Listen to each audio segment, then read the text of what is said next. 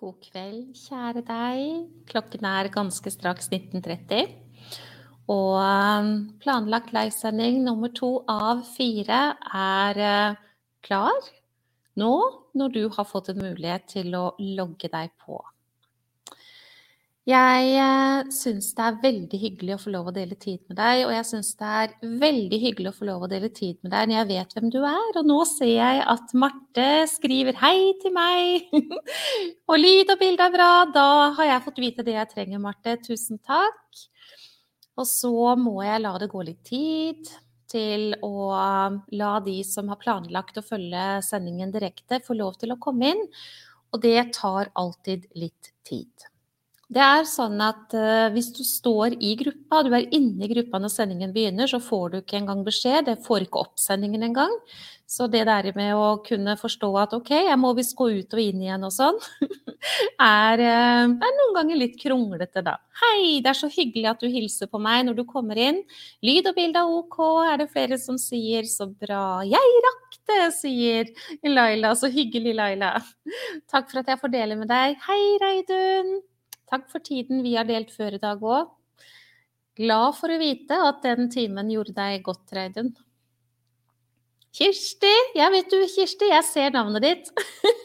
så da vet du det. Du har eh, fått registrert deg på StreamYard. Det er sånn at når man sender direkte på Facebook, så kan man velge å bruke en sånn tjeneste som jeg gjør. Sender igjennom da en tjeneste som heter StreamYard. Det viser seg at det er mye mer stabilt enn å bare sende direkte i Facebook. Jeg har nemlig prøvd litt av hvert. Og um, StreamYard viser seg å fungere kjempegodt. Og da, da, er det sånn at hvis du legger igjen hilsen i kommentarfeltet, men ikke er registrert, så kommer det opp sånn når det går live. Bare gjentar det så du vet, og da ser jeg deg ikke. Men det er hyggelig å se at du er her fra Rådet, kjære deg. Og hvis du er registrert, da har registrert navnet ditt, så ser det sånn ut, sånn som Janne Anita har gjort.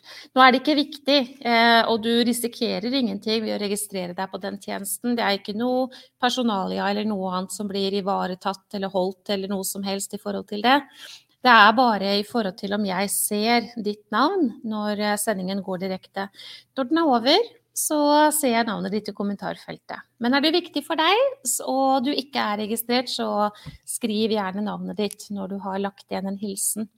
Marita fra Rindal, så hyggelig. Anita Elisabeth, god kveld til deg òg. Eva er her. Eva, nå har du registrert navnet ditt òg, ser jeg. Jeg ser eh, navnet ditt i kommentarfeltet mitt, Eva. Så hyggelig. Jeg eh, sier fra Brønnøysund er her også, så bra. Det er eh, alltid sånn at uh, denne innledningen når man sender live, den må bare få lov å pågå i noen minutter. Uh, dette med tid. Og um, ja, det tar litt tid å komme inn, Uh, og jeg syns det er kjedelig om jeg begynner på det jeg har på hjertet, før alle som har planlagt å komme inn, faktisk gjør det. Og så skal jeg, Nå glemte jeg det i går, men jeg skal gjøre det i dag. Bare sjekke at ingen står utenfor og vil inn til denne sendingen. For det kan jo tenkes, og da er det også litt kjedelig. Jeg skal bare kontrollere at, eh, at ingen står i døra og blir stående der fram til denne sendingen er er slutt. Da var det gjort også. Hei, Tone! Hei fra Varhaug! Og Nina fra Sandnes. Så hyggelig. Marit fra Molde. Kjære alle sammen som har kommet inn nå. Tusen hjertelig takk for uh, tilbakemeldinger fra sendingen i går. Jeg er uh, berørt og beveget og um, veldig takknemlig for at du gir til kjenne at uh, det jeg deler, gjør noe for deg. For det er jo det jeg ønsker, ikke sant. Det er den eneste motivasjonen min for å dele. Det er at det skal gjøre noe for deg at jeg gjør det. Og jeg har jo da, som jeg nevnte det i går òg, eh, erfart flere ganger at når jeg gjør det, så betyr det noe for noen. Og det som ligger liksom under motivasjonen min der, altså enda i bånn, det er dette med at mennesker ikke behøver å være i en situasjon som eh, ikke er et blivende sted, så sant de får det verktøyet som skal til for å flytte seg inn i noe annet. Og det syns jeg er så viktig å formidle. Snakker om å være utdannet sykepleier og ønske å jobbe med det faget. Jeg føler i aller høyeste grad at jeg gjør det. Og Noen har spurt meg Monica, du var da veldig syk. Jeg er ikke så syk, jeg har bare litt sånn og litt sånn. Dette hallo, liksom. Ja, men husk nå på det at før denne kollapsen kom, da jeg var 39 år, så hadde jeg jo massevis av symptomer. Det begynte jo i det små, eh, riktignok med ganske sterke smerter, men lenge før det også den ubalansen som jeg delte med deg i forrige sending. Regnfulle Sunnmøre, ja. Det er kanskje det vi ønsker oss på Østlandet nå, kjære deg. Regn. Det er veldig tørt. Veldig, veldig tørt. Ok. Det varmer å få hilsninger fra deg. Husk på det. Denne gratis workshop har jo sending i dag. Det kommer sending igjen til onsdag på samme tid og søndag samme tid. Og det er ganske intenst. Det krever mye. Og det å gi uten å få noe igjen, det er enda mer krevende. Og det igjen, det er at du hilser på meg, at du um, legger igjen en kommentar, at du er til stede, enten nå live eller når du ser sendingen i opptak, legger igjen en hilsen om at du har gjort det. Det gjør noe for meg. Jeg hadde enda litt mer på agendaen i går som jeg ikke kom inn på, fordi sendingen i går den ble lengre enn jeg hadde tenkt. Jeg skal forsøke å få den til å bli i ca. en time i dag, og tenker at jeg stopper denne innledningen min nå. Har kun brukt fem minutter på det. Det var ikke verst. Virkelig ikke. Men du, før vi går i gang, du som har tatt imot øh, denne øh, Ja, du hadde muligheten til å ta imot et øh, dokument av meg som kunne være veldig fint, et arbeidsdokument i forhold til denne workshopen. Og i forhold til dagens tema, som jo er 'Hvorfor lykkes noen, og hvorfor lykkes ikke andre?' Skal se nærmere på det, uh, virkelig. Men uh, jeg lurer jo på hva du tenker, da. Fordi første spørsmålet på det arbeidsarket der, det er jo hva tror du er årsaken til at noen lykkes, og andre ikke lykkes med å komme ut av uro? Og jeg har så lyst til å si det, klargjøre det, dette med uro nå heter jo denne workshopen Fire steg til ro, ikke sant? Indre ro. Men uro, det er jo alt som kan skape en stressaktivitet i kroppen. Og når man først har hatt den langvarig, så kommer symptomer. Så hva er det du tror, da? Hva er, det, hva er, årsaken til at jeg har kommet meg ut av det, andre kommer seg ut av det, mens noen blir sittende fast? Hva er dine tanker om det? Hvis du har noen og lyst til å dele, så bruk veldig gjerne kommentarfeltet til å gjøre det. Og hvis ikke du vil dele, så er det helt ok, men gjør deg noen tanker på egen hånd. Hva er dette for noe? Hvorfor kan jeg kvitte meg med fibromyalgi? For det har jeg gjort. Hvorfor kan jeg kvitte meg med alle symptomer? Jeg var meget syk av langvarig negativt stress. Som du hørte i går, så skjønte jeg jo ikke at jeg var det heller. Altså at det var stress, da. Det må vi se nærmere på. Men hvor, hvor, hvordan har det seg at jeg ikke har disse symptomene lenger nå, som noen mennesker tror at de må ha hele livet sitt? Hva tenker du egentlig om det? Det hadde vært litt morsomt om du eh, delte dine tanker, men det er selvfølgelig bare et tilbud til deg. Du trenger ikke å gjøre det. Det er helt opp til deg. Jeg ble veldig syk. Det fortalte jeg deg. Denne fullstendige kollapsen kom i februar 2010. Jeg var akkurat fylt 39 år. Men som jeg delte med deg i går, så var jo de første symptomene på uhelse de kom da jeg var et veldig lite barn. Med eksem, med urinveisproblematikk, før det etter hvert ble sterke smerter i kroppen min. Det starta i nakke og skuldre, og også i kjeven etter hvert. Ikke med en gang, det var nakke og skuldre først, og så også i kjeven. Og videre etter det så fikk jeg stadig mer smerter. Jeg hadde lange perioder hvor jeg hadde voldsomme ryggsmerter. Jeg hadde lange perioder hvor jeg hadde etter, etter det igjen, noen år etter det, kom det i hofta hofter, det kom i setemuskulatur. Jeg hadde vondt i bena mine, jeg hadde egentlig vondt overalt etter hvert. Og når jeg sier til deg at jeg følte det som at jeg hadde smerter fra topp til tå, så var det sånn jeg opplevde det etter hvert. Noen år gikk jo her. I tillegg til det så hadde jeg en, hva jeg beskriver som en kniv inn under det ene skulderbladet mitt. Og den kniven der, det var jo ingen kniv, det skjønner jo du, men det var en så smertefull opplevelse av at noe satt fast inn under mitt ene skulderblad. Og i ganske mange år så gikk jeg rundt og sa, både til meg selv og de jeg delte hvordan jeg hadde det med, hvilket ikke var så mange i det hele tatt, for det hadde ikke noe for seg. Så det gjorde jeg ikke. Men mannen min den gangen, han fikk jo høre det. Og ordene jeg sa, var Denne kniven kommer til å ta livet av meg.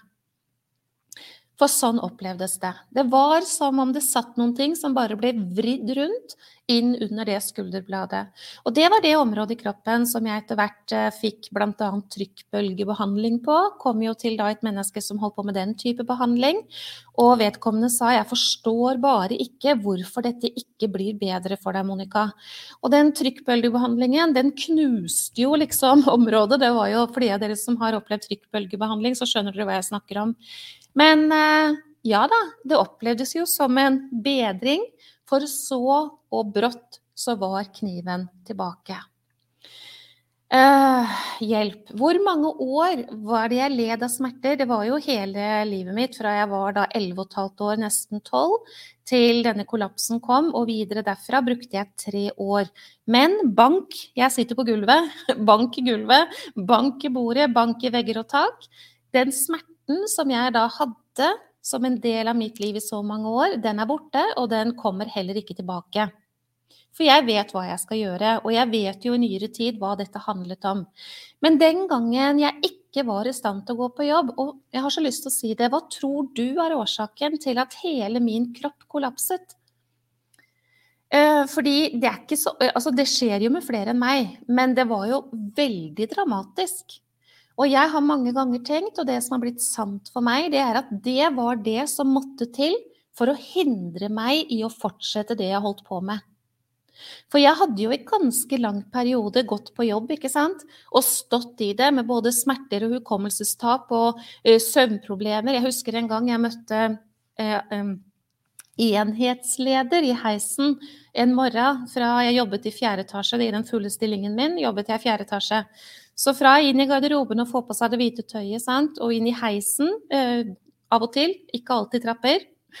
Og en morgen så møtte jeg enhetsleder, og det var da et menneske som jeg sjelden hadde noen ting med å gjøre. Avdelingsleder var jo det mennesket som jeg forholdt meg til. Men jeg visste jo hvem hun var, og jeg hadde vært på noen møter hvor hun var til stede og sånn, så jeg visste jo at nå står jeg i heisen med enhetsleder. Og hun eh, spurte jo ja, hvordan går det da?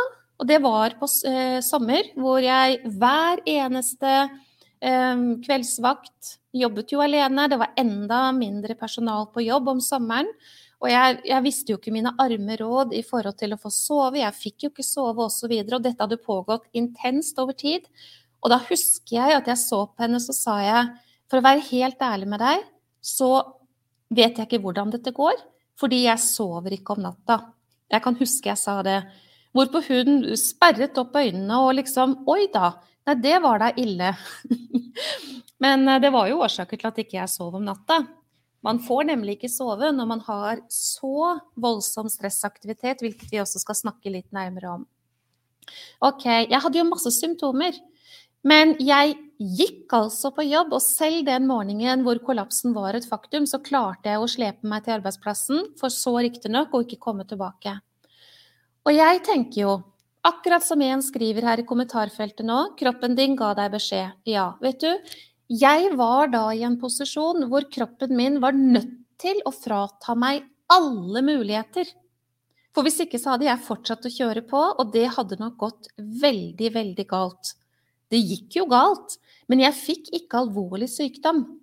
Og det tror jeg er neste steg. Så for at jeg skulle forstå at det jeg holder på med, den veien jeg er inne på, det jeg har levd med i 39 år, at jeg skulle forstå alvoret i dette her og finne en ny vei, det kunne ikke skje med mindre jeg faktisk ble satt helt ut av spill og plassert i et mørke som varte, dette mørket i denne senga, et halvt år. Jeg bruker å si et helt halvt år, fordi for meg så høres det så voldsomt dramatisk ut, og det var det det var.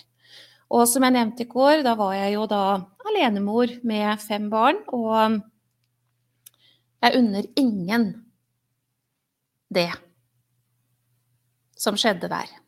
for å si det sånn. Men jeg var altså så sta. Den kraften i meg, den hadde jeg jo kjørt over meg selv med i alle disse årene. Jeg lyttet jo ikke til symptomene. Jeg skjønte jo ikke når jeg sto der i heisen menighetsleder og snakket om at jeg ikke sov, hva det her egentlig betød. Jeg skjønte jo ikke det, jeg. Hva var det jeg egentlig var ute etter når jeg fortalte det til henne? Gudene vet hva. Eh, Skulle jeg ha medlidenhet, eller hva var det jeg ville ha? Hvorfor sa jeg det? Det vet jeg ikke, det har jeg lurt litt på noen ganger. Men jeg forsto jo ikke at disse gule lappene og den lille boka jeg løp rundt med på avdelingen, livredd for å ikke få med meg hva det var som foregikk, jeg skjønte jo ikke at dette her var signaler.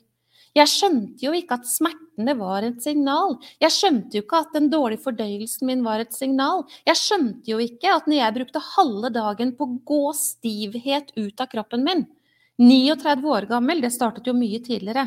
Brukte halve dagen på å klare å få kroppen til å være sånn passe OK, og ikke så stiv.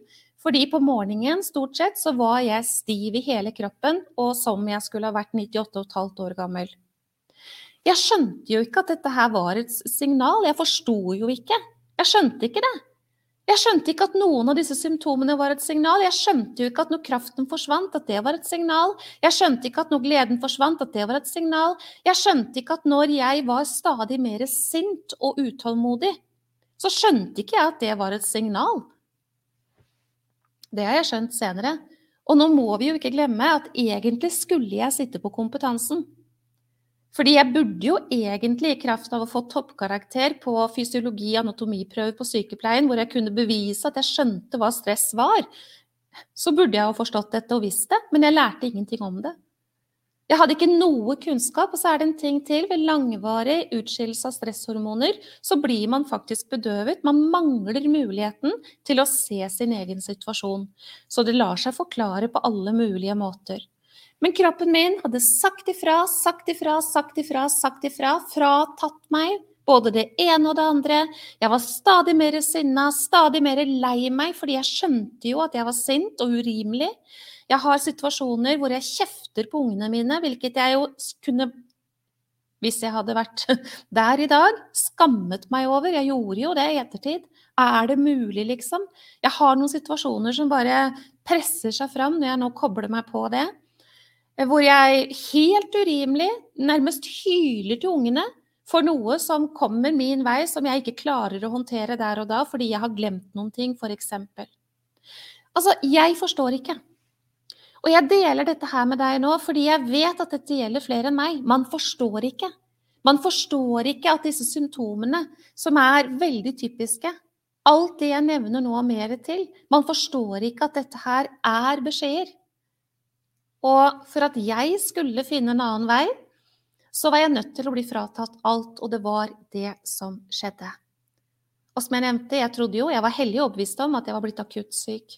Det var jeg så langt derifra. Jeg var syk etter langvarig stress. Jeg var syk av det jeg hadde opplevd i mitt liv. Jeg var syk av det jeg ikke hadde sluttet fred med. Jeg var syk av sorg. Jeg var syk av frykt. Jeg var syk av skam. Og skam, ja, det var det mer enn nok av opp igjennom årene. Jeg var syk av redsel, jeg var syk av å ikke være min egen beste venn. Jeg var syk av lengsel etter kjærlighet fra min mor, som jo ikke kom. Jeg kunne ikke forstå at det var mulig. Jeg prøvde i alle år å gjøre hva jeg kunne, tro du meg, på alle mulige måter. Men det gikk aldri. Jeg lyktes aldri. Og hvorfor lyktes jeg ikke? Nei, fordi at mennesker som ikke har armer, de kan faktisk ikke spise kake på egen hånd. Min mor hadde ingen mulighet til det, hun hadde ikke kontakt med det. Hun hadde ikke sjans til å kunne gi det, og det er nå engang sånn, kjære lytter, du jeg møter nå. Mennesker kan ikke gi noe de ikke har tilgang på i seg selv. Jeg forsto ikke det. Så jeg ønsket og ønsket og ønsket. Jeg kunne bare ikke fatte og begripe at det går an. Det må da bli annerledes. Men det kan ikke begynne å snø oppover nå. Det går ikke an å måke snøen fra i fjor, og det går heller ikke an å spise kake hvis man mangler armer.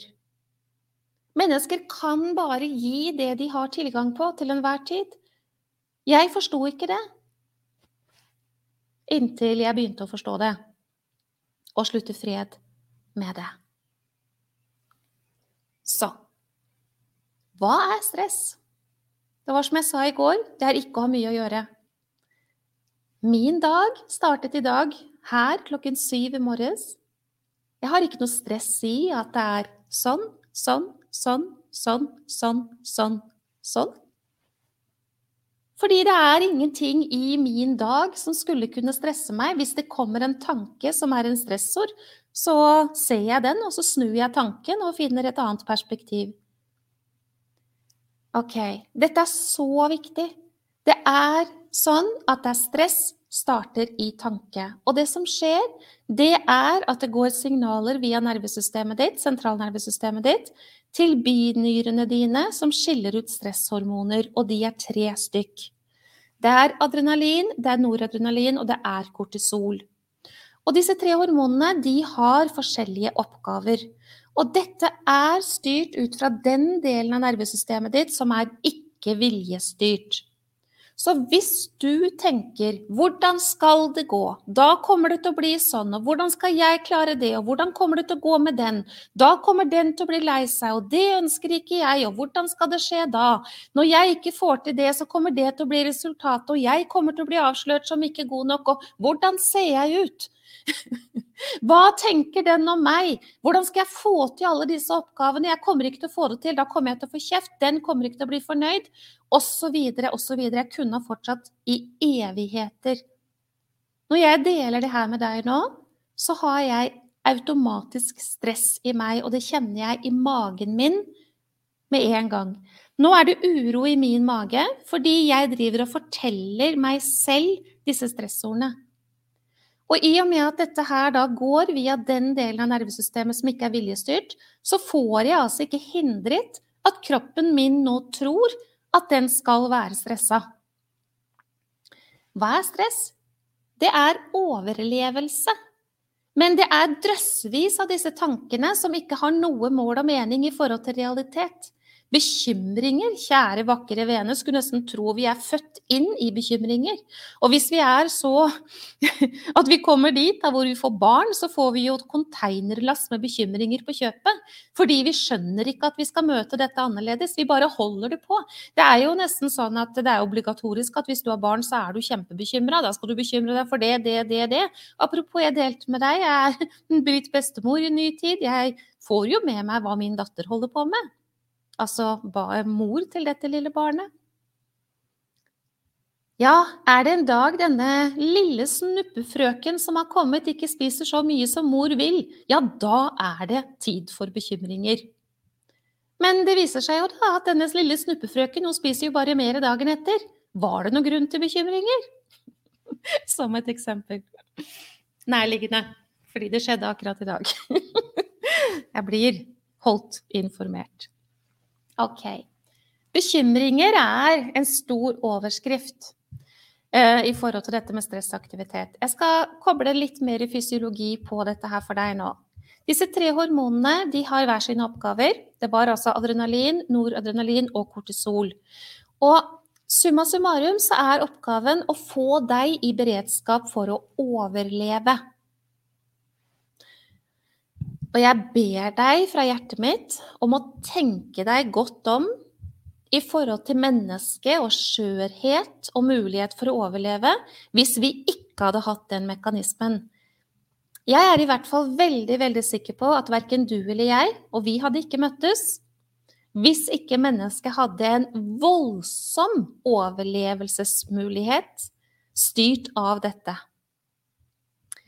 Tenk deg, hvis du, hvis du blar liksom i kunnskapsbanken din riktig langt tilbake, hvordan mennesket levde. Det har vært eh, massevis av dyr som er mye mer rusta for overlevelse enn mennesket, blant annet. Altså, hvordan kunne de overleve? Hvordan mm. Og det er fordi at eh, oppgaven til disse tre hormonene da, som jobber så fint sammen og setter deg i beredskap for overlevelse, det er for at du skal kunne slåss, for at du skal kunne fryse, bli helt stiv som en pinne, eller at du faktisk skal kunne flykte. Og jeg vet jo eh, av erfaring, og det vet sikkert du også, at det finnes veldig mange historier, um, menneskelige historier, hvor man tenker hvordan i all verden overlevde vedkommende? Men vedkommende gjorde det. Denne mekanismen her, den er altså så fantastisk, og jeg ber deg å være takknemlig for at du har den overlevelsesmekanismen, men samtidig så må du forstå hva det her betyr. Én tanke, og dette settes i gang. Hva kommer til å skje i morgen? Hvordan skal det gå? Jeg er dum. Jeg burde ha fått til. Nei, det der kan jeg ikke akseptere. Jeg kan i hvert fall ikke tilgi. Er du skrullete som ber meg om å akseptere noen ting og tilgi noen ting? Aldri i verden. Det ble jo helt feil. Skjønner ikke at det går an at mennesker holder på på den måten. Tenk at det virkelig er mulig. Du gir deg stress, stress, stress, stress, stress. Hele tiden er du da i en beredskap fysiologisk for å overleve. Og da må du skjønne du kan google og lese masse om dette her. Jeg, jeg, vil ikke bruke din tid til å gå nitidig gjennom akkurat alle mekanismene. Men jeg vil trekke fram noe, og det er bl.a. dette med noradrenalin. Som spenner all muskulatur i kroppen din. Senest i dag satt jeg og så på et vakkert menneske som jeg hadde en én-til-én-samtaletime med. Som er full av stress, og som sier 'jeg er jo så anspent'. Ja, det er du. og det er noradrenalinet som sørger for at all muskulatur blir anspent. For hvis ikke, hvordan i all verden skal du overleve? Du ramler jo sammen som en klut, vet du. Det går jo ikke. Skal du slåss, så trenger du muskler som er klare for å slåss. Skal du løpe, så må du ha muskler som er klare for å løpe. Og hvis du skal fryse til is, så må du faktisk klare å stå helt stille. Så noradrenalin er jo helt nydelig for å få deg til å overleve. Det er bare det at du kan sitte hjemme i sofakroken din eller ligge i senga eller ha det hyggelig et eller annet sted og allikevel være like anspent. Og når det har skjedd, så er det fordi du har hatt langvarig utskillelse av stresshormoner som sørger for at muskulaturen din ikke lenger klarer å gi slipp. Så det var et symptom. Og så må du tenke på musklene i kroppen. Vi har jo store muskler og små muskler. Og hvor er det typisk at de første smertene kommer? Og det kan jeg fortelle deg, det er de små muskelgruppene, selvsagt. For de tåler jo mindre, ikke sant, enn de store. Så det finnes jo ikke Nå skal jeg ikke si at sånn er det med 100% sikkerhet, for det kan jeg jo ikke si. Men det er nok ytterst sjeldent, om mulig i det hele tatt, at noen får de første smertene i lårmuskulatur. 'Å, jeg har så vondt i lårene mine, jeg, doktor.' Da er det nok noe annet enn blodpropp eller noe sånt. Det er veldig sjeldent at det er noradrenalinet sin skyld. Eller 'jeg har så vondt i, i, i musklene mine i rumpa, jeg', liksom. Det er ikke der det starter. Nei, her oppe. Kjeve, nakke og skuldre.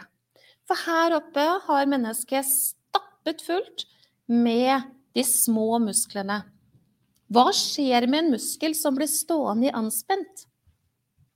Hvordan går det med blodgjennomstrømningen her, som vi er helt avhengig av? Så hver eneste celle fungerer, og, og muskelsystemet gjør jobben sin? Jo, det er selvsagt blodgjennomstrømning. Hva skjer med den når det står sånn? Jeg lærte når jeg skulle bli sykepleier at det er noe som heter de kjemiske smerter, og det er den type smerte. Når da kroppen har hatt langvarig utskillelse av stress, så klarer ikke musklene å gi slipp på egen hånd, og dermed så blir det altså mer eller mindre konstant smerte oppi her, eller stadig tilbakevendende. Og kanskje hvis man kjenner godt etter, så kjenner man å, men jeg er jo stort sett anspent. De små musklene de sier ifra først, hvilket er helt naturlig. Og så, hvis man ikke får gjort noe med dette her, da, apropos hvem er det som lykkes og hvem er det som ikke lykkes, hvis man ikke får gjort noe med dette her, så kan det jo være at man begynner å få vondt i ryggmuskulatur, begynner å få vondt i hofter, begynner å få vondt i bena, etter hvert også resten av kroppen. Og det sier seg jo selv, fordi det er jo grenser for hva denne kroppen kan klare å tåle. Og jo mer anspent over tid, så går det utover også stadig større deler av kroppen vår. Jeg nevnte for deg typisk symptom som har med hukommelse og konsentrasjon å gjøre, ikke sant? hvilket jeg var ganske så heftig plaget av selv. Mange mennesker går rundt og tror at det er normalitet å være litt sånn tåkete. og glippe og ikke klare å konsentrere seg helt og merker at hukommelsen begynner å svikte og sånn. Ja, men sånn er det å være meg, går mange rundt og sier. Men en av de tre stresshormonene Nå snakket vi litt om noradrenalinet. Nå skal jeg snakke litt om kortisolet. Mennesker med langvarig utskillelse av stresshormoner, hvilket er altså stress pga. tanker, oppfattelse av verden, modell av verden, overbevisninger, forestillinger, troer, de får en veldig hard påvirkning til hjernen av kortisol. Så langvarig utskillelse av stresshormonet, da også kortisol, brenner ut områder av hjernen. Og det kan jo hende du syns jeg er litt vel dramatisk nå, men dette er sannheten. Og det går spesifikt utover hukommelsekonsentrasjon. Dette er det massevis av studier på. Man kan se det ved å ta de rette prøvene og bildene. Hvordan en utbrent hjerne ser ut. Og det er fordi kortisolet etter hvert når det har gjort den jobb, beste jobben, og det er å øke immunforsvaret bl.a. Hvis vi blir rispa av bjørnen, ikke sant? For du må huske på at vi er naturmennesker enda. Vi er det. Vi er sånn vi var genetisk for den lenge, lenge, lenge siden. Så når denne her står og går og jobber på over tid, så går det altså utover hjernen vår. Og inntil ganske ny tid så trodde mennesker som hadde med det her å gjøre, og som kunne mye, at vi ikke kunne reparere hjernen vår. Men i ny tid så kan jeg bekrefte at det er fortalt og bevist at det skjer. Og selv så kan jeg også bekrefte det. Jeg har ingen problemer med hukommelse og konsentrasjon i dag, og har heller ikke hatt det i noen år nå. Adrenalinet det må vi ha vet du, for å klare å kjempe og slåss og løpe og alt dette her. Uh, go, ikke sant? Og så er det bare sånn, kjære deg, at det finnes en del mennesker som er veldig glad i det som disse stresshormonene gir. Det er nemlig veldig fint å ha adrenalin. Man føler seg litt høy. Man føler at man har litt å gå på, og yes, og disse menneskene de elsker å holde seg i aktivitet. Det er ofte for å slippe, å kjenne på noen ting. Men i alle fall, man kan bli litt avhengig av spesielt adrenalin. Få den der litt sånn høye følelsen. Inntil det ikke skjer lenger. Da ramler man ganske langt ned. Så det her med å endre på noe som kjennes ålreit ut, liksom, det gjør vi jo ikke uten videre. Men eh, problemene kommer jo etter hvert, da. Langvarig adrenalin, ja, det kan vi heller ikke ha men det er ikke den største faren vår sånn i første rekke. Men det gjør også denne cocktailen her at vi blir bedøvet. Og det forklarer at jeg, til tross for all kunnskapen jeg hadde, ikke kunne forstå. Og jeg har mange ganger tenkt at når det var sånn for meg, jeg kunne ikke forstå, så vil jeg tro at dette gjelder for svært mange mennesker. Og da tenker jeg, da må noen fortelle hvordan ting henger sammen, så man får den forståelsen og innsikten, så man også begynner å gjøre noen ting. For det er vi faktisk helt nødt til. Så For meg handlet det om tanker, som jeg nevnte i stad, som hadde med Jeg var jo ikke elsket, jeg var ikke ønsket, jeg var ikke verdt noen ting. Jeg var langt ifra glad i meg selv. Jeg hadde ikke aksept, jeg hadde ikke tillit. Jeg eh, bedrev ikke egenomsorg, for jeg hadde ingen verdi, så det holdt jeg ikke på med. Jeg var en gedigen selvsabotør på veldig mange områder. Og jeg var da hele tiden på jakt etter trygghet. Fordi i meg var det ingen trygghet. Og denne tryggheten kom til uttrykk i forhold til å være en kontrollør, være en prestasjonsprinsesse, være en perfeksjonist til de grader. Være konfliktsky innenfor noe, men veldig tydelig på andre ting. Og jeg var en gedigen people pleaser. Jeg var rå på å please andre fordi jeg var livredd for å bli avslørt og avvist, så jeg holdt på med det. Inntil jeg begynte å tenke at nå blir jeg snart avvist. Og da begynte jeg å avvise fordi noe annet var utrygt for meg. Eh, det her går fryktelig dårlig. Men grunnen til at mennesker holder på med det her, grunnen til at mennesker er, blir people-pleasere, perfeksjonistiske, kontrollører Wow! Jeg snakker med mange av dem. People-pleasere, tar ansvar for andre menneskers følelser, blir konfliktskye. Eksempelvis. Det finnes flere muligheter her, men disse er veldig typisk. Grunnen til det, det er behovet for trygghet. Og da må vi inn i psykologiens verden bitte litt til, fordi mennesket har behov for trygghet. Det er et grunnleggende behov. Den tryggheten som er sunn for mennesket, det er den tryggheten man kan eie i seg selv. Tryggheten som ligger i forhold til 'jeg er god nok', 'jeg har ressurser', 'jeg kommer til å klare å håndtere', 'det skjer ting, men jeg kommer til å finne ut av det'. 'Jeg har det som skal til', 'det er trygt å være meg'. Den tryggheten der, den vil sørge for Det er egentlig en av de beste helseforsikringene som finnes. Fordi den vil hele tiden avdempe massevis av stressorder. Og hvis man ikke eier den, dette er selvfølelsen jeg snakker om nå, hvis man ikke har den i orden, så vil man altså av behovet for trygghet sørge for å få det på annet vis. Og dermed så utvikler vi disse strategiene våre. People pleasing, prestasjon, perfeksjon, konfliktsky, eh, kontroll. Det er fem av de typiske strategiene som mennesket utvikler. Og det er ikke noe rart med det. Man sitter ikke og planlegger at man skal bli en kontrollør. Man sitter ikke og planlegger at det er kult å være prestasjonsprinsesse. Nei, det kommer naturlig når man ikke har fått selvfølelsen på plass, og den dannes i barndom. Vet du, når jeg satte meg ned her nå for å gjøre, skulle slå på og møte deg, så kom det en sangsetning i hodet mitt. Jeg ble litt sånn undre, var det sånn den var? Men det finnes en sang som har omtrent sånn som dette her, med en tapt barndom som man ikke kan skape på nytt eller noe sånt. Det er sikkert noen av dere som vet hva jeg snakker om. Jeg husker ikke eksakt hva det var. Men det er ikke sant. En tapt barndom, den gjør stor skade, det er riktig, men det er ikke sant at man ikke kan reparere det som skjedde i historien som ikke var ok.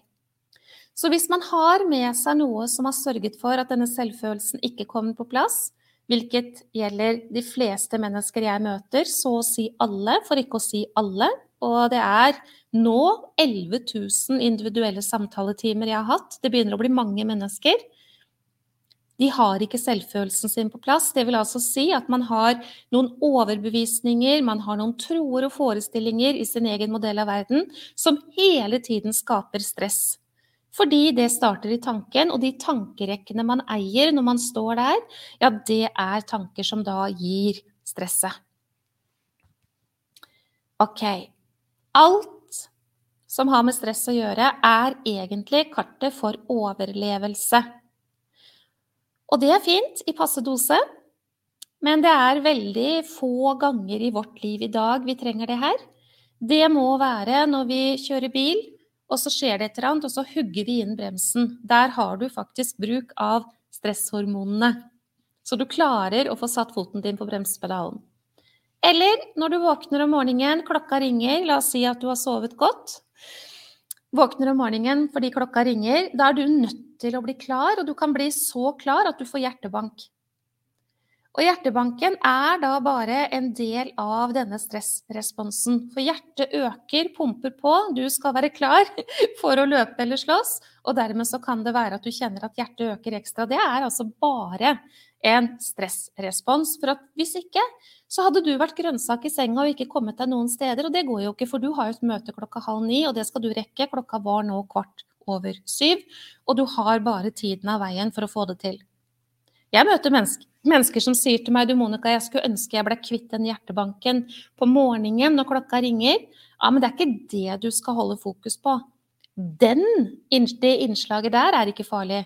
Vi må heller se litt større. fordi den, den stressmekanismen, den stresspåslaget der, den gjør ingenting om den kommer. Det er det du trenger den til i vår tid. Her som vi lever, heldige oss, du og jeg, det må vi si og være klar over og ha takknemlighet i forhold til. Vi har ikke så veldig mye å ha denne stressresponsen for i dag, men vi har altfor mye av det. For det skulle ha vært på en annen måte. Jeg strekker ikke til. Den var på den og den måten. Det syns ikke jeg er bra. Jeg er bitter for det. Hvordan kunne han si sånn? Jeg sa noe feil. Hvordan kommer det til å gå? Ja, men da blir det på den måten. Det kommer ikke til å gå. Jeg kommer ikke til å få til. Jeg forstår og så videre og så videre. Og der ramser jeg opp igjen, ikke sant. Og så slår det seg på magen min. Fordi hjernen tar imot. Den skiller ikke mellom det jeg sier at det er til deg, Den tror at dette her er til meg. Hjernen din tror på deg fullt og helt. Den skiller ikke mellom fantasi og virkelighet. Og den skiller heller ikke mellom fortid og nåtid. Vær nå endelig oppmerksom på det. Dette er svært viktig. Du, noen sier til meg, Monica, jeg syns det er skikkelig rampete når du prater om disse tingene, og du samtidig sier at ca. 85% av alle sykdommer er stressrelatert. Men hva er det i det der du ikke vil høre? Vil du ikke høre at 85% av sykdommer er stressrelatert? Nei vel, så lukk øynene dine, da. Men det er sant.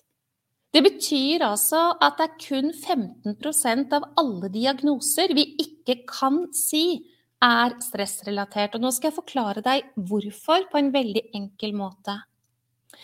Dette stresspåslaget det styres da av den ikke viljestyrte delen av nervesystemet ditt. Du skal i kamp, enten du sitter hjemme i sofakroken og snakker stygt til deg selv, eller du faktisk er i skogen og bjørnen kommer. Det skilles ikke innpå det der. Men Ja. Det er altså sånn. Og det eneste som skjer i deg da, det er beredskap for overlevelse. I den tilstanden i deg så kan ikke systemene, alt det andre, fordøyelse og muskelsystem og hjerte og hjerne og hormonsystemet ditt og alt annet du består av, kan ikke bedrive restitusjon og et forebyggende arbeid. Det er ikke mulig. Fordi det er kun innsatt på overlevelse ut fra én tanke. Og da tror jeg det begynner å bli ganske klart for deg hva skjer med mennesker som over tid ikke får en restitusjon, ikke får en kropp som bedriver et forebyggende arbeid, dvs. Si rydder opp og kvitter seg med, ikke sant? og sørger for at det er balanse i hormonsystemet og alt sammen, hva skjer med den kroppen? Det sier seg jo selv, det går ikke så veldig bra. Og det er den mest lettfinte muligheten for meg å forklare for deg at når du har dette stresspåslaget, så bedriver kroppen din overlevelse. Over tid blir det nedbrytelse av alt du består av. Og da er det bare et spørsmål om hva slags symptomer som kommer. Så når jeg driver og snakker om disse små symptomene, så er det en stille hvisken før det kommer noe mer. Og det var derfor jeg sa til deg at jeg ble satt helt ut av spill. Ikke kontakt med kroppen min. Det var det som måtte skje for at jeg skulle snu og finne en ny vei. Jeg kunne jo like så godt ha vært på mammografi, hvilket jeg har fulgt opp i en del år fordi det er brystkreft i ung alder i min familie. Bank i gulvet igjen, jeg har ikke fått noe. Men det kunne jo like godt ha vært det det slo ut på. Fordi kroppen min hadde ikke klart å gjøre det arbeidet som kroppen min ønsker å gjøre for å rydde kreftceller nok ut. Eksempelvis. Autoimmune sykdommer er veldig gode eksempler på dette her. Autoimmune sykdommer hvor kroppen går til angrep på seg selv, ja, det vil ikke en kropp gjøre som bedriver et forebyggende og restituerende arbeid i tilstrekkelig grad. Så når jeg sier 85% så kan du velge å forholde deg til det eller ikke. Det vil være veldig lurt å forholde seg til det. Enten du i dag har sykdommer, symptomer på noen ting, så trenger du å hjelpe kroppen din til å kunne hjelpe deg på beste måte. Du må få stresset ned. Enten du Altså, du kan ikke tro at du bedriver et arbeid som er til din egen ivaretakelse uten at du tar det på alvor, eller du ikke ønsker å få disse veldig tydelige symptomene på sykdom, som mennesker i vår tid elsker å bare legge seg på diagnosen. Ja, men jeg har fått, vet du, så nå må det være sånn her. Ja, men jeg har fått den diagnosen, ja, og så har jeg fått den diagnosen, og så har jeg fått den diagnosen. Ja, men hva er disse diagnosene? Jeg er ikke så veldig opptatt av diagnosene, jeg er opptatt av symptomene. Og jeg er veldig opptatt av din modell av verden, fordi det er helt avgjørende for om du hjelper kroppen din til å hjelpe deg. Det vil si altså ikke stressrespons, men det motsatte, for det er der det skjer. Eller om du ikke gjør det. Så når vi behandler mennesker i vårt system, hvilket jeg skal snakke mer om på onsdag, jeg bare så vidt toucher innom det nå, så er vi ikke interessert i det. Vi behandler diagnosen, vi behandler symptomet, vi behandler ikke årsaken til symptomet. Og det blir jo feil. Så når jeg sier til deg hvorfor er det sånn at noen lykkes og andre ikke, så ga jeg deg svaret på det nå, veldig enkelt sagt. Vi behandler ikke årsaken. Vi går ikke inn og justerer årsaken, hvilket jeg Altså Jeg blir litt sånn Er det mulig, liksom? Vi er så glad i piller. Gjør piller noe med årsaken? Vi er så glad i behandlinger. Ja, gjør de behandlingene noe med årsaken? Det er slett ikke sikkert bestandig. Vi er så glad i å bli fiksa på. Vi er så glad i lettvinte løsninger. Det må da være sånn og sånn, og nå er det sånn og sånn, og dette blir sånn og sånn. Vi går ikke inn i hva det er vi faktisk må ta på alvor. Og vet du hva, kjære du? Den jobben der er det kun du som kan gjøre, men du må ha et verktøy som hjelper deg med det. For hvis ikke så kommer du ikke til å få det til. For hvem er det som bare enkeltpenkelt kan skape nye tankemønstre? Fordi det er jo det det i bunn og grunn da handler om. Når årsaken ligger i mengde stress, og stressordene dine ligger i dine overbevisninger, troer og forestillinger, ja, så er du altså nødt til å begynne å se ting på en annen måte. Jeg, for eksempel Jeg var nødt til å akseptere at moren min ikke hadde armer. Som et bilde til deg, sant? At moren min ikke kunne gi meg det jeg hadde behov for, og selvfølgelig også fortjente da jeg var barn, som hennes datter, fordi hun eide det ikke selv. Så jeg var nødt for å ville velge å akseptere det og tilgi det som hadde vært. Jeg var nødt til å ville velge å ta imot det gode fra barndommen, hvilket var noen få glimt, og min kjære farmor. Hadde det ikke vært for henne, som jeg sa, jeg hadde ikke sittet her, det er ikke snakk om. Jeg var nødt til å ville velge å lete etter læring og muligheter fra min historie, istedenfor å være et offer for at faren min drakk. Jeg var nødt til å ville velge å begynne å slutte fred med en masse ting for å kunne komme til et annet resultat. Jeg var nødt til å ta et skikkelig arbeid. Og du må ikke tro at um, jeg ikke hadde tanker som prøvde å hindre meg i det her. Det går da bare ikke an. Må jo forstå det. Hvordan kan mennesker? Er det virkelig mulig? Og så videre, og så videre. Ok, vi er altså nødt til å lære oss, du og jeg, å sette bremsen inn for stress. Og siden stresset starter i tanke, så er vi altså nødt til å gå i dyp på det. Og da vil jeg ha det sagt, det er sikkert noen av dere som kommer til å se denne sendingen, som forholder dere til fysiske symptomer som om det kun er her. Det kan hende du åpner opp for muligheten til at det er en sammenheng her. Ja, det er faktisk det. Noen sier til meg, ja, mener du at det er noe mentalt feil? Nei, jeg mener ikke det. Det er ikke noe mentalt galt med deg, men du er altså nødt til å ville finne en vei inn i din historie som ser annerledes ut enn den er per nå, eller i din tilstand i dag. Eller i forhold til hvordan du ser framtiden din, fordi det er her stressordene er. Og jeg klarer jo ikke å la være å si det, men eh, en av de største stressordene vi mennesker har, det er relasjoner. Så det er altså nødt til å begynne å se på hva er det som foregår her. Hvordan er det du forholder deg til mennesker som ikke møter deg med det gode? Hvordan er det du forholder deg til deler av historien din hvor dette har vært til stede? Hvordan er det du forholder deg til, ikke minst, relasjonen mellom deg og deg? For det er av enorm betydning. Så når jeg sier at steg to i disse fire nødvendige steg er å møte stressorder på en annen måte, så er det akkurat det her jeg snakket om nå, det handler om. Man er altså nødt til å få hjelp til å se noe på en annen måte, bryte mønstre, finne ut av hvordan man skal trene på å skape den endringen. For det er helt nødvendig. Og jeg bruker å si i, her, For noe tid tilbake så kom det et bilde opp i mitt hode. Jeg er veldig sånn billedlig av meg, visuell. Vet ikke hvordan det er med deg, om du tenker mye bilder.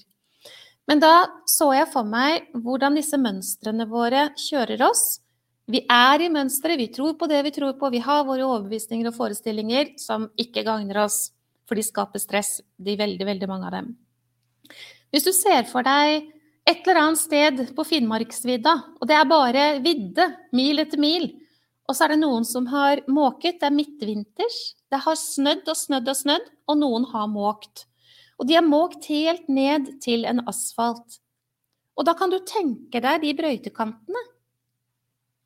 Der nede på denne asfalten går du i dine forestillinger og troer og overbevisninger.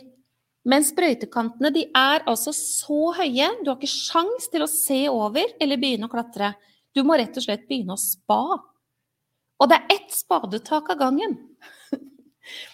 For å kunne komme til et annet resultat. Og det er helt nødvendig.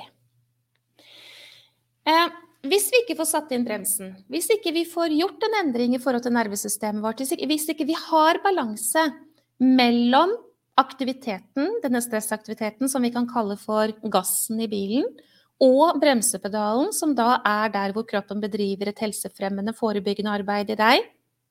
Gass og brems. Får vi ikke satt inn bremsen, så går dette her gærent. Gud og hvermannsen bortover har symptomer. Det er helt sikkert. Og det er 85% av alle sykdommene er stressrelaterte. Ok.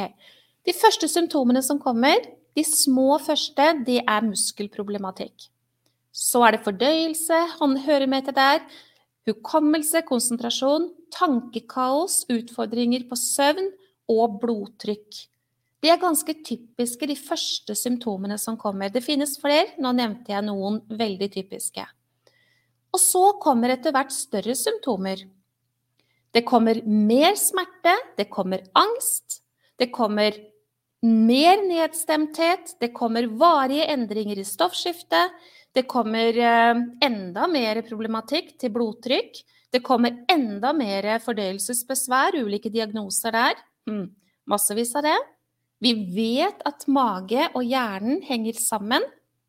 Mage og det som foregår her, sinnet og tankene, henger sammen. Andre små symptomer er at gleden blir borte, vi har vært inne på det. Og så, helt i enden, så du virkelig skal forstå at du har en jobb å gjøre for å hjelpe deg selv til helse, det er at kraften forsvinner. Og lenge før man ender i senga sånn som meg, så har man jo begynt å føle seg kraftløs. Svimmelhet, Marita? Yes! Jeg hadde også det. Jeg hadde lange perioder med svimmelhetsproblematikk. Fikk også diagnosen krystallsyke. Gud hjelpe meg som jeg slet. Og det gjorde jeg i fire år mellom barn nummer to og tre, for der er det nesten fem år mellom barna. Jeg ser du sier takk, Marita. Jeg har 19, nesten 20 måneder mellom barn nummer 1 og 2. Så har jeg nesten fem år mellom nummer 2 og 3. Og så fikk jeg tvillinger 19 måneder etter nummer 3. Og i den perioden mellom nummer 2 og 3 så hadde jeg ja, to i hvert fall, eh, to lange perioder med svimmelhet hvor jeg fikk beskjed om at jeg hadde krystallproblematikk. Og så hadde jeg en litt kortere. Og så forsvant det faktisk når kroppen min ville repareres under svangerskap nummer tre. For det må jeg ha sagt, jeg sier det igjen og igjen. Kroppene våre, kjære alle sammen, når vi legger til rette for de fantastiske ting, så skjer det. Og en kvinnekropp som eh, er gravid, der er det så fantastisk det som skjer også med fosterceller, som faktisk reparerer kvinnekroppen. Det er derfor veldig mange har lettere symptomer på både det ene og det andre, og problematikk forsvinner. Og det må jo være for at kvinnekroppen skal klare å bære fram dette barnet på best mulig måte. Det er det mange som har erfaring ifra.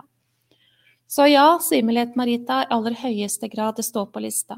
Så fint at du spurte. Ok, det kommer altså små hvisken først, før det kommer store hyl. Og dette med utmattelsesproblematikk, kraftløshet, det starter i det små. Men som jeg sa til deg, du kan være så kjørt av adrenalin og alt dette som stresshormonene gjør og produserer, at du tar det ikke imot engang. Og så er det noe med å møte da, når man begynner å bli kraftløs. Eh, man kan jo ikke gi seg. Man må jo bare stå på. Jeg må jo få til. Jeg klarer litt til. Alle andre klarer. Jeg må jo klare, jeg også. Se hva dem klarer, da. Se hva dem klarer, da. Jeg må jo klare, jeg også. Jeg står på, står på, står på. Helt til man faktisk ikke kan stå på lenger.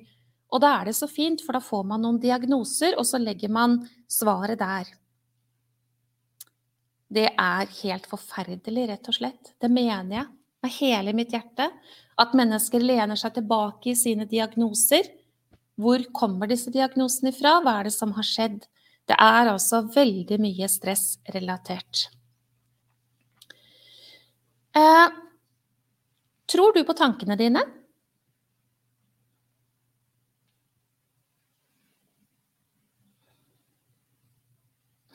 Marte, jeg ser du skriver med min kroniske sykdom burde jeg egentlig gått gravid hele tiden. Ja, Marte. Og Sara skriver jeg har aldri vært så frisk som da jeg gikk gravid. Ja, Sara, det stemmer det. Det er forklaringer på det. Tror du på tankene dine? Svar i kommentarfeltet. Dere er 71 inne akkurat nå. Skriv ja eller nei. Tror du på tankene dine? Så kan jeg drikke litt te mens du øver på å ikke tro på tankene mine, sier Sara. Bra. Hva med dere andre? Tror du på tankene dine? Ikke nå lenger, sier Hilde Cecilia. Nei, du har lært noe annet. Egentlig ikke, er det en som skriver. Mm. OK. Tanker. Det er et sted mellom 65 og 80 000 av dem hver dag. Tror sikkert for mye på det, er det en som skriver. Ja. Vi har et sted mellom 65 og 80 000 tanker. De kommer ifra det ubevisste sinnet vårt, hvilket vi også skal snakke litt mer om til onsdag. Sier ikke så mye om det nå, hvordan dette er sånn i sinnet vårt. Men eh, det kommer, og de kan ikke komme fra noe annet enn forestillinger. Det er usannheter, det er hentet noe herfra, puttet noe derfra. Det er noe du har opplevd, som du har tolket. Det er massevis av tolkninger. Det er massevis av usannheter i tanker. Og um, en av de feilene som blir gjort, da, det er at man tror på tanke. Så når jeg sier at hva er det som skiller de som lykkes og de som ikke lykkes, så er vi inne på en av de elementene nå. Hvis mennesket går rundt og tror på tanker, gjør vel det litt mye, svarer Eva, så vil det altså være sånn at veldig mange av disse 65 til 85 ca. 1000 tanker Det er jo helt vanvittig hvilken mengde, liksom, men det er det. Eh, veldig mange av de vil være usannheter. Og nå skal jeg bare kort forklare deg hvorfor, hvis ikke du med en gang skjønner det.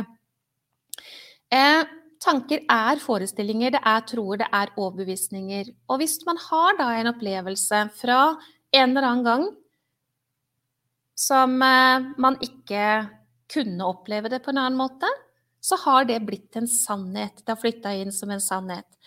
Og hvis du tenker deg, La oss si det er seks mennesker som opplever den samme situasjonen. Er det mulig for deg å forstå at disse seks menneskene kan sitte igjen med seks ulike forklaringer på hva det var som skjedde? Har du opplevd noe sånt noen gang? Har du opplevd at du og en annen har erfart noen ting, hatt, vært i en situasjon, og så sitter dere igjen med helt ulike forklaringer, eller i hvert fall ulikt på noen punkter? Og forklaringen på dette det er at mennesker kan kun forstå ut fra hva de rommer fra før. Og når jeg da sier til deg at veldig mange av tankerekkene våre, disse forestillingene og troende overbevisningene våre, kommer ifra alder 0 til 12 år, da kan det hende du begynner å forstå at oi sann, så mye av det jeg går og har i disse her mønstrene mine, handler om da jeg var et barn. Ja, det gjør det. Og hva kan barnet forstå? Hva er det barnet har mulighet til å forstå? Det er veldig begrenset. Barnet opplever og får noen følelser som det kjenner veldig godt, og som begynner å navigere seg i landskapet ut fra de følelsene. Men det er der det skapes i veldig, veldig stor grad. Så utgangspunktet for de tankemønstrene du har videre, skapes fra null til tolv år. Og det er jo helt ille, egentlig, at mennesket er sånn. Fordi det er ikke da vi har mest fornuft, liksom. Det er jo ikke da vi kan forstå mest. Det er ikke da vi har muligheten til å se noen ting. Og jeg skal gi deg et eksempel som jeg opplevde selv, som handler om meg og min mor. Og jeg var, fra jeg var helt sikkert nyfødt, så ønsket jeg jo å få den kjærligheten fra henne. Hvilket jeg jo ikke lyktes med. Men vi hadde nå en campingvogn Pappa var veldig glad i å reise på campingvogna. Der hadde han kompiser som drakk like mye som seg selv, så da kunne de sitte og pjalle og lalle hele dagen, og det gjorde de jo også. Og på campingplass, så på de fleste steder vil jeg tro, også i dag, så er det jo et sanitæranlegg. Og vi hadde nå en campingvogn, og vi gikk fra den og til sanitæranlegget for å stelle oss. Og så var det en kveld hvor jeg fikk gå sammen med mamma, for stort sett så ble jeg skyfla av gårde med noen andre eller med søstrene mine, og vi skulle klare oss selv. Men akkurat denne kvelden så fikk jeg gå sammen med mamma. Hun skulle sikkert dit selv på samme tid, antagelig. Og så skal vi gå derfra og tilbake igjen til campingvogna, og da prøver jeg å ta hånda til mamma. Jeg ville holde henne i hånden. Jeg hadde mine metoder, vet du. Men akkurat når jeg prøvde på det, så løftet hun bort hånden sin. Og det minnet der, det sitter så sterkt i meg som en avvisning. Følelsen som oppsto i meg den gangen jeg var ca. 6-7 år, jeg er litt usikker på hvilken sommer det var, eh, om jeg var 6,5 eller 7,5, noe rundt der. Det minnet der, det som satte seg i meg, det var en voldsom følelse av avvisning. Hun vil ikke holde meg i hånden. Men eh, jeg undrer meg over, kunne jeg vite det? Eller kunne det faktisk være slik at mamma klødde i nesa? Så akkurat når jeg skulle ta den hånden og ville holde henne i hånden, prøve på det, og den ble løftet bort, så kan det jo hende at det var for å klø på nesa. Det vet jeg ingenting om. Men dette ble jo sittende i meg som en avvisning. Dette er bare ett eksempel. Det finnes drøssevis av dem. Tanker må sannhetsreguleres, sier Anita Elisabeth. Ja, vi har jobbet med det sammen, Anita Elisabeth, så sånn er det. Ok. Tanker. Det er veldig få tanker som er sanne. Hvis jeg skal velge en sann tanke nå, så må det være at jeg beskriver noe som jeg har opplevd i dag, rent fysisk. Det vil altså si eksempel Tidligere i dag så viste jeg fram yogaputa mi. Jeg løftet opp yogaputa og viste den fram. Og så la jeg den fra meg igjen. Det var helt sant. Hvis jeg, å, hvis jeg har et bilde foran meg, og jeg beskriver det bildet, hva det er jeg ser, så kan jeg bare beskrive ut fra hva det er jeg ser. Men f.eks. så kan det jo hende at jeg ser farger på det bildet, og så beskriver jeg det. Og hvis du er fargeblind, eller jeg skulle være fargeblind, så vil jo din opplevelse av det bildet være med andre farger. Vi kan jo krangle om hvem det er som har rett. altså, eh, det er helt vanvittig mange tanker som ikke er sanne. Og jeg lurer på en ting til. Tror du at du er tankeleser? Tror du at du vet hva andre mennesker tenker? I så fall så er du også på fullstendig feil vei. Det du tror at andre mennesker tenker, ja, det er jo det du har i dine egne tanker. Du aner ingenting om hva andre mennesker tenker, men du tror at det må være sånn, og det er sikkert sånn, og så tenker de sånn, og så tenker de sånn, og så blir det sånn, osv., osv. Alt det jeg snakker om nå, det er stressorder. Vi må snakke mer om tanker. Kommer til å komme inn på det igjen når eh, vi har neste sending på, um, på onsdag. Men jeg vil at du skal forstå at tanker er langt unna sannhet, med mindre vi faktisk kan bekrefte at det er sant, og det er svært lite. Og mennesker blir syke av de tankene de tror på. Fordi hvis dette er tanker som ikke kan gi ro, ikke kan gi glede, ikke kan gi energi, så er de potensielt stressorder. Vil si per automatikk, helt uten at du ber om det, helt uten at du vil, så settes du i beredskap for overlevelse via disse tre stresshormonene. Og det er så viktig å forstå at i den tilstanden så skjer ikke det helsefremmende arbeidet som du er avhengig av at skal skje i deg. Så hvorfor lykkes noen, hvorfor lykkes ikke andre? Jo, det kan jeg fortelle deg, jeg var inne på det i stad. Man gjør ikke noe med årsaken. Og vi har en tilnærming til menneskets helse i dag i vårt samfunn som gjør altfor lite med årsak. Og der finnes det drøssevis av eksempler. Du har sikkert noen på egne vegne. Jeg har mange på mine vegne og mennesker jeg har møtt, hvor jeg hører de mest utroligste ting. F.eks. diagnostisert utposning på hovedpulsåra ble til 'gå hjem og slappe av'. Hvem er det som kan slappe av i godstolen vel vitende om at det er en utposning på hovedpulsåra? Fortell meg det. Ingen. Man er nødt til å starte der hvor altet starter. Man er nødt til å åpne opp den skuffen som for noen er vanskelig å åpne opp, fordi man har en forestilling om sier det er noe gærent med huet mitt. Slutt å tulle. Det er ikke noe galt med hodet ditt, det er bare det at du går på Finnmarksvidda og har forestillinger, overbevisninger og troer som hele tiden opprettholder stressresponsen, hvilket betyr nedbrytelse. Og det er nødt til å bli endret. Så svaret på tittelen på denne sendingen, ja, det er altså vi må gjøre noe med årsaken. Og da håper jeg at jeg gjennom denne timen vi har delt nå, har fått muligheten til å belyse det. Jeg kaller disse tankene som jeg er innom, da, for apekatter. Kommer sikkert til å snakke mer om apene neste sending også, for de er superviktige. Apene, det er alle de tankene som er stressorder. Og tror man på apekatter, tror man på de tankene som skaper stressorder, eller er stressorder og skaper stressaktivitet, ja, så har man altså nedbrytelse. Jeg trodde på mine apekatter. Jeg trodde at jeg ikke var god nok, jeg trodde at jeg kom til å bli avvist, jeg trodde at jeg skulle prestere og bevise, jeg trodde at jeg måtte ta ansvar for andre menneskers følelser, jeg trodde at jeg måtte gå på tå hev, jeg trodde at jeg måtte være en people pleaser, jeg trodde at jeg måtte ditt og måtte datt. Jeg trodde på apene mine, fordi jeg eide ikke trygghet i meg selv, og apekattene fortalte meg at jeg måtte finne trygghet utenfor meg selv. Så når jeg ikke lenger tror på apene, hvordan kan jeg da få stress? Når jeg gjør som Anita Elisabeth var inne, på, inne på her i stad, ikke nødvendigvis eh, tror på disse her mønstrene, men begynner å korrigere dem og fortelle dem noen sannhetens ord.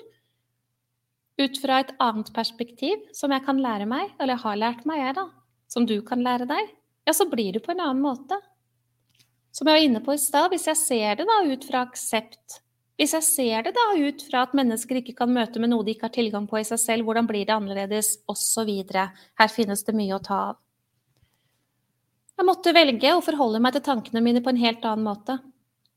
Jeg måtte ville velge å bli min egen beste venn, fordi det er en voldsom mengde stress av å være ikke venn med seg selv.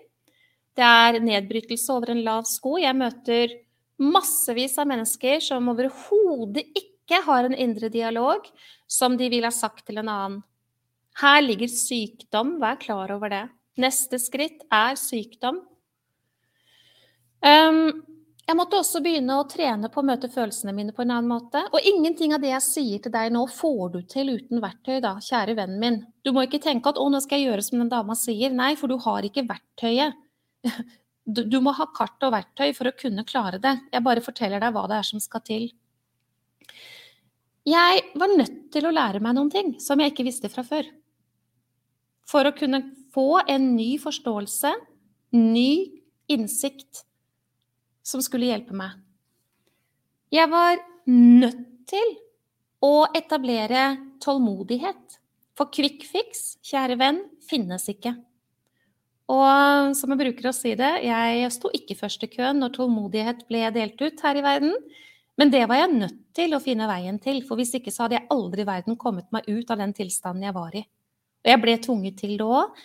Det første halve året var stort sett i senga, og så brukte jeg tre år ut. Men det var fordi jeg hadde ingen til å hjelpe meg med det. Så jeg fant jo kartet og verktøyet på egen hånd, og derfor så brukte jeg jo så lang tid. Jeg måtte ta på alvor hver eneste dag at jeg skulle sette inn bremsen for stress. Det gjorde jeg jo selvsagt da ved å begynne å tenke på tankene mine, men jeg gjorde mer. Jeg gjorde et effektivt verktøy som faktisk hjelper meg med det. Og det handler om i min verden terapeutisk medieyoga.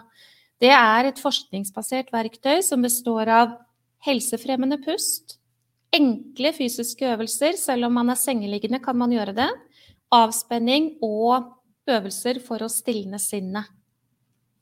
Det var helt nødvendig. Måtte få trykket på bremsen for å kunne klare å få dette her på plass. Troene, overbevisningene, illusjonene, forestillingene, sannhetene, ja, de ble korrigert. Og med det så begynte kroppen min å respondere fantastisk. Jeg tror ikke det hadde fungert bare med det ene. Jeg tror at det effektive verktøyet jeg brukte for å putte føttene på bremsepedalen, altså medieyoga, det var det jeg gjorde bruk av. Det er det beste som finnes. Jeg kan ikke skjønne annet. Jeg mener virkelig fra hele mitt hjerte. Det muliggjorde at jeg kunne jobbe med tankene. For du vet sikkert, mange av dere i hvert fall, at når det er kaos i toppetasjen, så har man ikke noen mulighet til å begynne å ordne opp i tankene. Så de menneskene som jeg hjelper, de får beskjed av meg at du må gjøre begge deler. Du må muliggjøre dette arbeidet med kart og verktøy, men muliggjøringa kommer ved å trykke effektivt på bremsepedalen, få kroppen til å respondere. Og det som er, bare for å ha sagt det, litt ekstra fascinerende, det er at når jeg skulle bli sykepleier, så lærte jeg at man kunne ikke gjøre noe for å trykke på den bremsepedalen. Og det er ikke sant. så jeg lærte mye rart som ikke akkurat uh, viste seg i ettertid å være sannhet. Man kan fint gjøre noe aktivt for å få trykka på den bremsepedalen. Jeg lurer på om du er en god venn til deg selv, jeg. Ja. Skal avslutte med det. Er det sånn at du nå begynner å forstå at noen av disse apene dine, stressordene dine, er noe som um, ikke gjør deg godt? At du er nødt til å begynne å se nærmere på det? Er du en god venn? Er du en som løfter og støtter, eller er du en som skremmer og snakker stygt til og driver og utsetter og holder det gående? Er du en som løper gatelangs fordi det er du nødt til å gjøre? Er du en som møter deg selv med kjærlighet, eller er du ikke? Dette er veldig, veldig viktig. Kjempeviktig. Og vi kommer til å komme tilbake til det også i neste sending. Typiske aper. Jeg bare ramser opp for deg nå, så kan du se deg selv hvor du er hen. Jeg har forsøkt alt, ingenting nytter. Det er ape, er ikke sant? Jeg har ikke tid. Det er så mange som krever meg. Jeg har ikke tid, kan ikke, kan ikke, jeg kan ikke gjøre noe for meg nå. Jeg må bare fortsette med det her, jeg. Jeg må bare fortsette å gjøre sånn og sånn og sånn, og sånn, for det krever alle andre. Eller jeg krever det av meg selv. Jeg skal ta den jobben du snakker om, Monica, når jeg får mer energi. Apekatt. For du må jo bryte sirkelen for å få mer energi, så du kan jo ikke vente. Du må begynne. Jeg kommer til å ha det som jeg har det for bestandig. En overbevisning som overhodet ikke er sann. Det handler om å gjøre de rette grep. Gjør man ikke det, så kommer man ikke ut og lykkes. Gjør man de rette grep, så får man et annet resultat. Ikke så rart at jeg har det som jeg har det, sånn som jeg alltid har hatt det. Det er en stressord. Det er en forestilling, en overbevisning. Dersom du går og forteller det der til deg selv, så kommer du aldri ut av det. Er du et offer, så forblir du et offer, og det vil si at du har enorme mengder stress.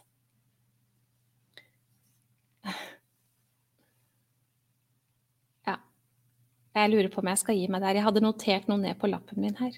Eh, en annen ape som jeg kan ta. Barna må ha den beste mammaen. Jeg må gjøre sånn, sånn, sånn, sånn, sånn, sånn, sånn, sånn. Jeg må stille opp her og si ja, ja, ja, ja, ja, ja, ja. Jeg kan ikke sette grenser, jeg kan ikke prioritere meg selv. Det får jeg bare gjøre når barna er blitt større eller flyttet ut eller et eller annet sånt. Det går ikke an, rett og slett. Det er negativ begrensende tanke. Det fungerer rett og slett ikke. Eller jeg må vaske, jeg må vaske, det må være rent, vet du. Jeg må vaske, jeg må vaske, jeg må vaske, jeg må vaske. Jeg, må vaske. jeg kan ikke sette meg ned og slappe av før jeg har vaska. Det er ikke mulig. De som lykkes, de gjør noe med årsaken. De tilegner seg kart og verktøy for å kunne få gjort noe med årsaken. De må få gjort noe med stressordene, hvilket jo er årsaken. Da begynner det å gå i rett retning. Og de som ikke gjør det, men de spiser piller, de går, løper rundt i behandlingsapparatet, hvilket jeg gjorde i alle disse årene, fra jeg var ca. 12 til jeg var 39 år. Um, funker ikke. Kommer ikke til å funke, kommer aldri til å funke. Det gjør ikke det, altså. Det er bare sånn det er. Ingen av oss, verken du eller jeg, trenger å bli stående i tankekaos. Vi trenger ikke å bli stående i usannheter og forestillinger og overbevisninger, men vi er nødt til å lære oss noen ting for at dette her skal endre seg. Og når vi gjør noe med den årsaken, så sitter vi faktisk igjen med et annet resultat. Jeg tror det skal få lov til å bli det siste ordet i dag. Hvis du har fått noe ut av eh, det her, så hører jeg fra deg. Eh, enten nå eller i opptak. Jeg skal bare bla meg gjennom i kommentarfeltet for å se om det har kommet noen spørsmål. Det er en som skriver det er så viktig å lære å ha kunnskap om i dagens samfunn. Vi trenger mer fokus rundt dette, slik at vi kan møte på en annen måte. Og det er ingen fokus på dette. Altså, hva er det som skjer på legekontorene? Man kommer dit, og så får man påvist et eller annet, og så får man tilbud om noen piller, og det er det. Det er forferdelig, rett og slett. Det er helt forferdelig. Uh, kommer aldri til å funke. Vi er et pillespisende folk. og vi er uh, et veldig sykt folk. Vi har massevis av uhelse til tross for hvor godt vi har det. Må nesten tillate oss å si det. Det syns jeg med aller høyeste grad. Hvordan kan jeg få én-til-én-samtale? Ja, det er bare å sende meg en melding. Så ta kontakt med meg. Skal vi se Medyoga. Anita Elisabeth. Ja, vi må ha med oss medyoga på veien. Jeg er helt overbevist om det. Og det, jeg har lyst til å si det også, i forhold til hvem lykkes, hvem lykkes ikke. I nyere tid så jobber ikke jeg med noen som ikke tar med seg verktøyet for å få bremsepedalen inn, for så å begynne å jobbe med tankerekkene. Fordi historien nå gjennom ti år som jeg har jobbet med mennesker, nå er jeg på det tiende året, fått lov å dele og opplever fantastiske resultater på vegne av de jeg jobber med, eh, er jo at de som ikke ikke benytter seg av et effektivt antistressverktøy, de har utfordringer med å lykkes med å få resten på plass. Mens de som gjør det, ja, da er det større muligheter, virkelig. Da går det fint.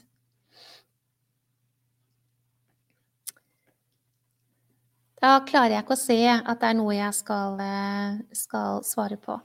Da er jeg klar igjen til onsdag um, med overskriften Stykkevis og delt. Nei takk, har jeg valgt å kalle den sendingen. Og da ser vi enda litt mer på denne helheten, denne absolutt nødvendige helheten.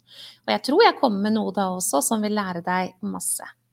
Skal du få med deg neste sending, kan ikke du skrive i kommentarfeltet om du kommer live eller i opptak. Det er hyggelig å, å høre og vite. Gleder meg til onsdag, sier Sara. Og Marte kommer på onsdag. Så hyggelig. Fortell meg gjerne om, vi, om, du dukker opp, eller om du ser i opptak, kjære deg. Og er det noe, så må du bare spørre. Ha det så lenge.